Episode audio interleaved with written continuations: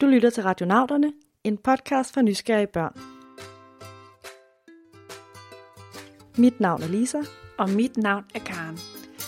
Og i dag der skal vi blive klogere på en lille ting, som fylder rigtig meget i vores hverdag. Du har op til flere af dem i dit hjem, og måske har du endda et i lommen lige nu. Kan I gætte, hvad det er? Altså det eneste, jeg har i lommen, det er min telefon. Mm, men inde i din telefon, der er der et batteri. Og det er det, som radionauterne skal handle om i dag. Og det kan I takke ham her for. Hej, jeg hedder Arthur. Jeg er fem år, og jeg bor i København. Mit spørgsmål er, hvordan virker et batteri? Det er et virkelig godt spørgsmål. Vi har spurgt Arthur, hvordan han kom til at tænke på det her spørgsmål. Jeg vil godt vide, hvad et batteri virker, fordi, fordi at der er masser af ting hjemme hos mig, der bruger batteri. Skide godt, Arthur. Tak, fordi du sender os på en så spændende mission. Vi starter med at høre, hvad satellitten har at sige til emnet. Satellit, søg på batteri. Søger efter batteri. Så hvis du har et batteri, så har du, så består det af to materialer.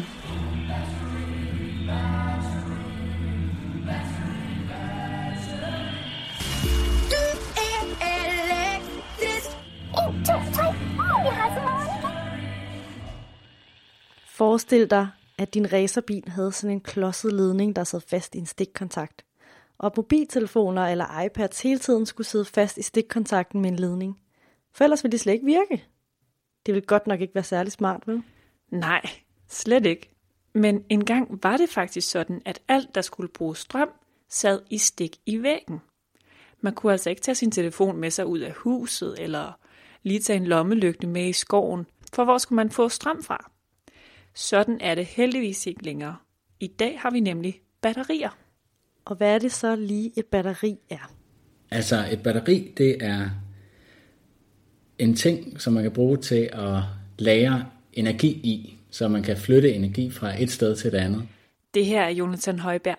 Han er ekspert i batterier. Min datter på syv sammenlignede det med en rygsæk, hvor man kan have en madpakke med, og så kan man, når man har spist madpakken, kan man gå hjem og lave en ny madpakke og putte i. Og det svarer lidt til, når man lader sit batteri op. I stedet for at sidde hjemme i køkkenet hele dagen og konstant spise lidt mad for ikke at blive sulten og træt, så kan man tage en madpakke med sig. På den måde kan vi gå ture og komme i skole, eller hvad vi nu har lyst til. Og når vi har brug for noget energi, så spiser vi vores medbragte madpakke. På samme måde fungerer et batteri. I stedet for at telefonen skal sidde i stikkontakten hele dagen, har man sat et batteri i telefonen, som giver den energi, når man har brug for det. Men ligesom at vi er nødt til at smøre os en ny madpakke, skal batterierne lades op en gang imellem. Batterierne er altså en smart måde at gemme strøm på. At lagre strømmen. Den strøm, der er i vores stikkontakter, den skal bare bruges, når den er der. Men hvis man nu for eksempel skal udenfor, så er det rigtig smart, at man kan gemme strømmen på et batteri, og så bruge den, når man vil. Og den her teknik med at lagre noget energi i batterier, det er faktisk en ret gammel opfindelse. Næsten 200 år gammel. Videnskabsfolk helt tilbage i 1800-tallet eksperimenterede med at lave batterier. Men da 1. verdenskrig startede for cirka 100 år siden, så gik udviklingen virkelig hurtigt.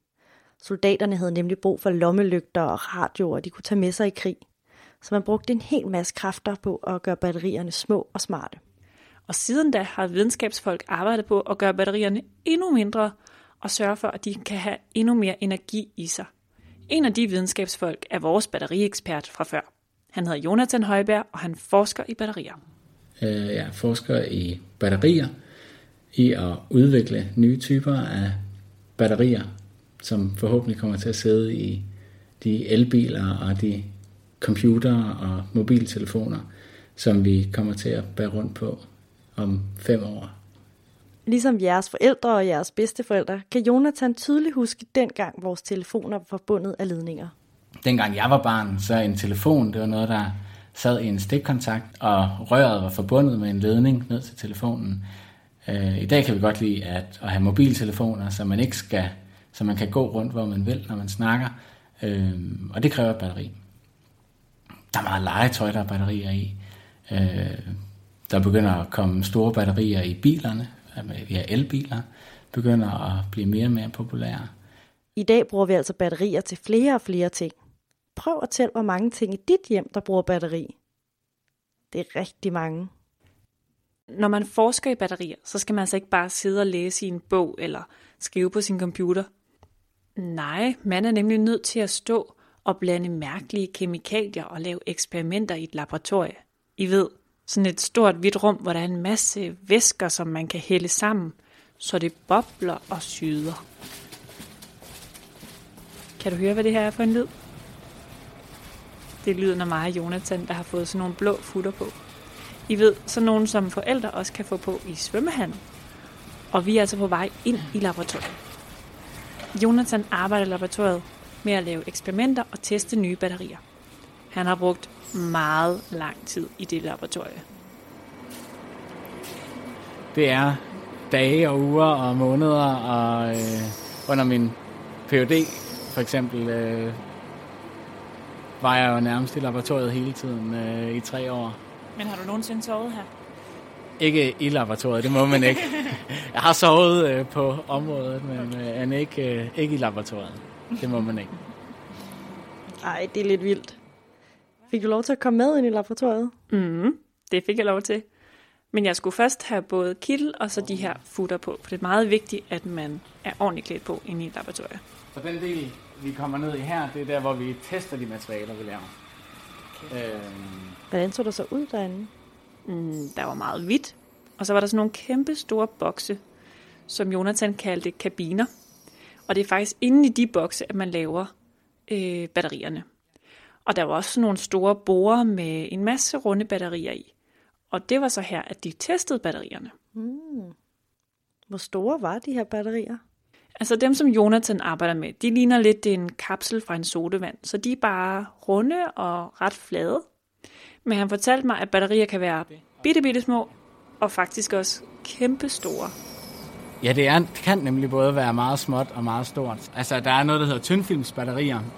De kan være meget, meget små. De kan være øh, altså, øh, måske tyndere end et hår eller et eller andet. De kan måske være lidt større i areal, men, men de kan være meget små. Et tyndfilmsbatteri er altså helt fladt, men ret bredt. Lidt ligesom et øh, almindeligt stykke papir. Og så kan de jo så omvendt også være meget store. For eksempel, der er noget, der hedder flow-batterier, hvor at det er nogle væsker, man pumper frem og tilbage. Der kan sådan en, en tank være på størrelse med et hus måske. Altså, så, så de kommer i meget forskellige størrelser. Et hus. Det er jo for sindssygt. Hvis du også går og undrer dig over noget, om det er om raketvidenskab, Disneyfilm, farverige fisk eller tidsmaskiner, så vil vi meget gerne høre fra dig. Radionauterne er altid klar til en ny mission. Du kan enten selv optage dit spørgsmål og sende det til os, eller du kan få en voksen til at hjælpe dig og sende det til vores mail info I kan se på radionauterne.dk, hvordan I gør. Okay, så nu ved vi altså, at batterier indeholder noget energi, som kan give strøm til vores computere og telefoner. Og de kan have alle mulige størrelser, og så bliver de lavet i kemiske laboratorier. Arthur han spurgte jo om, hvordan det her batteri virker. Og for at svare på det, så skal vi nu blive klogere på, hvad der er inde i batteriet. Det er faktisk sådan et lille samlesæt, hvor der er, der er to aktive materialer inde i batteriet. Og så er der nogle forskellige andre dele, der får det hele. Der er en fjeder, der sørger for, at trykket er rigtigt inde i batteriet og, og forskellige ting. Der er cirka 10 dele, som man så samler i nogle lag. Og så har man sådan en maskine, der måske minder lidt om sådan en, man sætter kapsler på med øh, på flasker. Øh, presser man det og så ligesom presser sammen. man det ligesom sammen, ja. Og så har man et batteri. I laboratoriet laver de flade batterier, men du kender måske også sådan et, et rundt, aflangt et. Øh, og selvom batterier kan se forskellige ud, så virker de stort set alle sammen på samme måde. På et batteri så er der faktisk tegnet et lille plus i den ene ende, og et lille minus i den anden ende. Og det siger noget om, hvad der sker inde i batteriet. Nu vil vi altså gerne tage jer med på en lidt speciel rejse. For nu skal vi en tur ind i batteriet. Huha, herinde i batteriet er der godt nok ikke meget plads, men der er en hel masse aktivitet. Der er to rum og en væg. Det ene rum kaldes anoden, og det andet katoden. Væggen, der adskiller de to rum, kaldes elektrolytten. Mener du elektrolytten eller satellitten? Ikke satellitten. Anode, katode og elektrolyt. Men det er nogle mærkelige ord. Katoden er den ende med plusset på batteriet, og anoden er den ende med minuset. Men ordene er i virkeligheden ikke så vigtige. Det vigtige er de bevægelser, der sker herinde mellem de to rum. Og hvis vi så går ind i minusrummet, så bor der herinde nogle små løbere, der hedder elektroner. Og der er rigtig mange af dem, og de er fyldt med energi. 1, 2, 3, hopla, hopla, hopla. 1, 2, 3, 1, 2, 3. Vi har så meget energi. Ja, så der er ret crowded herinde. 1, 2, 3. Løberne de vil rigtig gerne væk fra det her overfyldte rum og hen til plusrummet. Men de kan ikke selv komme væk, for de kan ikke komme igennem væggen i midten. Ih, hvorfor kan jeg ikke komme igennem her? Jeg vil gerne igennem, jeg vil gerne ud. Adgang nægtet. Hvad? Mm. Men når du sætter batteriet i din computer, så hjælper du faktisk de her løbere med at komme fra det ene rum til det andet.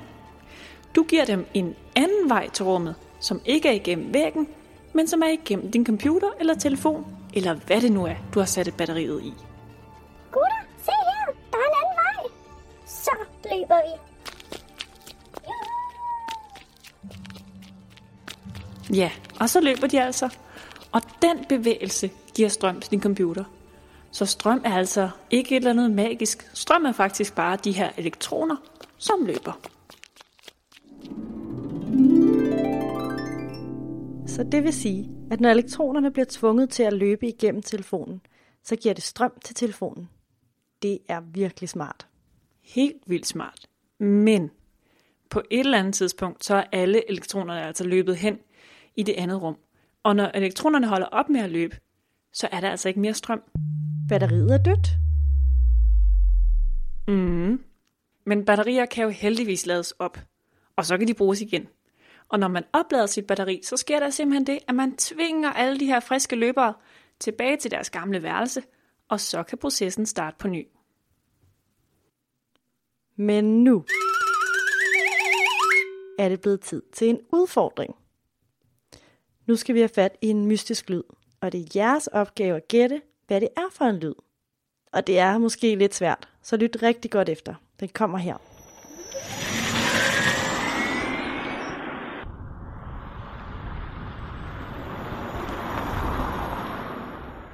Skal vi lige tage den en gang til?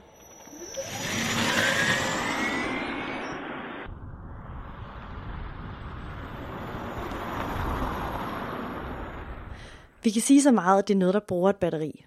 Men så siger vi heller ikke mere nu. Men øh, hvis I lytter med, så afslører vi i slutningen af programmet, hvad den mystiske lyd var. Det her, som vi fortalte om med løberne inde i batteriet, det er faktisk det, man kalder en kemisk reaktion. Så nu skal vi tilbage til laboratoriet, til Jonathan og til handskeboksen. Så øh, herover der har vi øh, det, der hedder en handskeboks, og det er fordi, at når man laver de her batterier, øh, så der er det her lithium. Så når man har lithium i batteriet, det er et metal, øh, som reagerer med ilt og vand, hvis man har det ude i luften. Og det vil man ikke have, så, så derfor så laver man det inde i det, der hedder en handskeboks.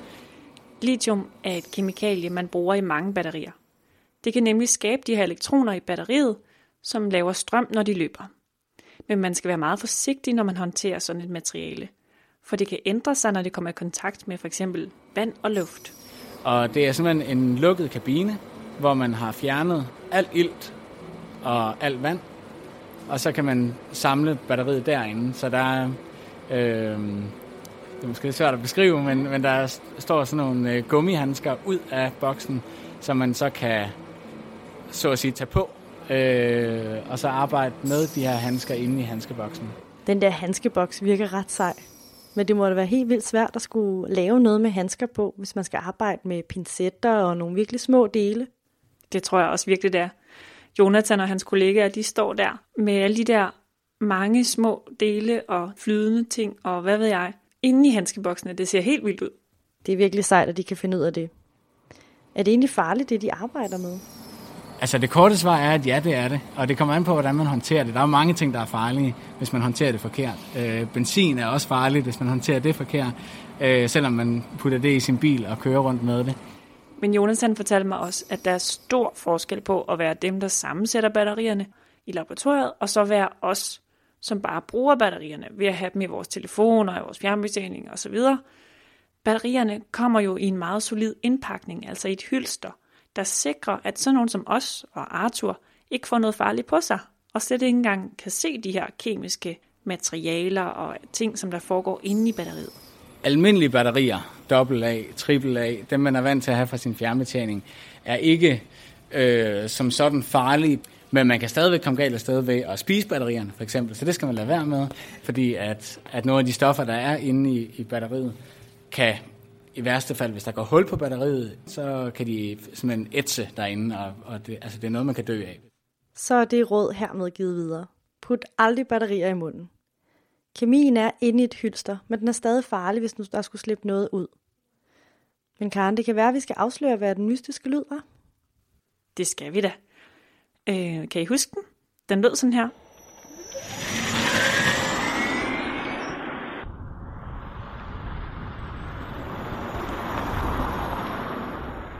Og det er altså lyden af da, da, da, en elbil, som starter op og kører. En elbil er rigtig sej, fordi en elbil den kører nemlig på batteri. Men der skal et kæmpestort batteri til for at få en bil til at køre. Et bilbatteri fylder lige så meget som et helt bagagerum. Men heldigvis så bliver batterierne hele tiden mindre og mindre, og man forudsiger altså, at allerede om lidt over 10 år, så er hver anden bil en elbil. Så alle jer lyttere, I kommer nok til at køre i elbiler, når I bliver voksne, og skal ud og købe en bil. Jonathan fortæller, at der vil komme mange flere batterier helt generelt i verden, men altså også rigtig mange flere elbiler. Derudover sker der noget lige i øjeblikket med elbiler og lagring af strøm fra solceller i batterier, som gør, at man forudsiger, at mængden af batterier i verden vil vokse helt vildt over de næste år. Faktisk har Danmark fået sit første bybatteri, som er et kæmpestort batteri på 3,5 tons. Det svarer altså til syv elefanter. Det skal give strøm til både huse og til elbiler, der kan stå og lade op til næste dag. Det er altså en spændende fremtid, vi går i møde. Det er det i hvert fald. Det der med batterier, det er faktisk ikke så nemt at forstå. Selvom man har forsket i det i over tre år, som for eksempel sådan en som Jonathan har, så er det altså stadig et svært område at arbejde med. Det er svært at forstå, øh, hvilket betyder, at der også er meget at lære og meget at arbejde med at udvikle og udforske. Men hvis du nu sidder derude og synes, at sådan noget med laboratorier og plusser og minuser er spændende, så er det bare med at komme i gang med at eksperimentere. Man kan fx prøve at lave sit eget batteri med citroner. Det er ret sejt. Men nu er det desværre blevet tid til at slutte. Og vi vil rigtig gerne takke Arthur for det fede spørgsmål. Vi får simpelthen så mange gode spørgsmål, og det er vi rigtig, rigtig glade for. Men vi kan altid bruge flere, og vi vil meget gerne høre dit. Husk, at I kan både finde os på vores hjemmeside, retnavnerne.dk, og på Facebook. Tak fordi I lyttede med.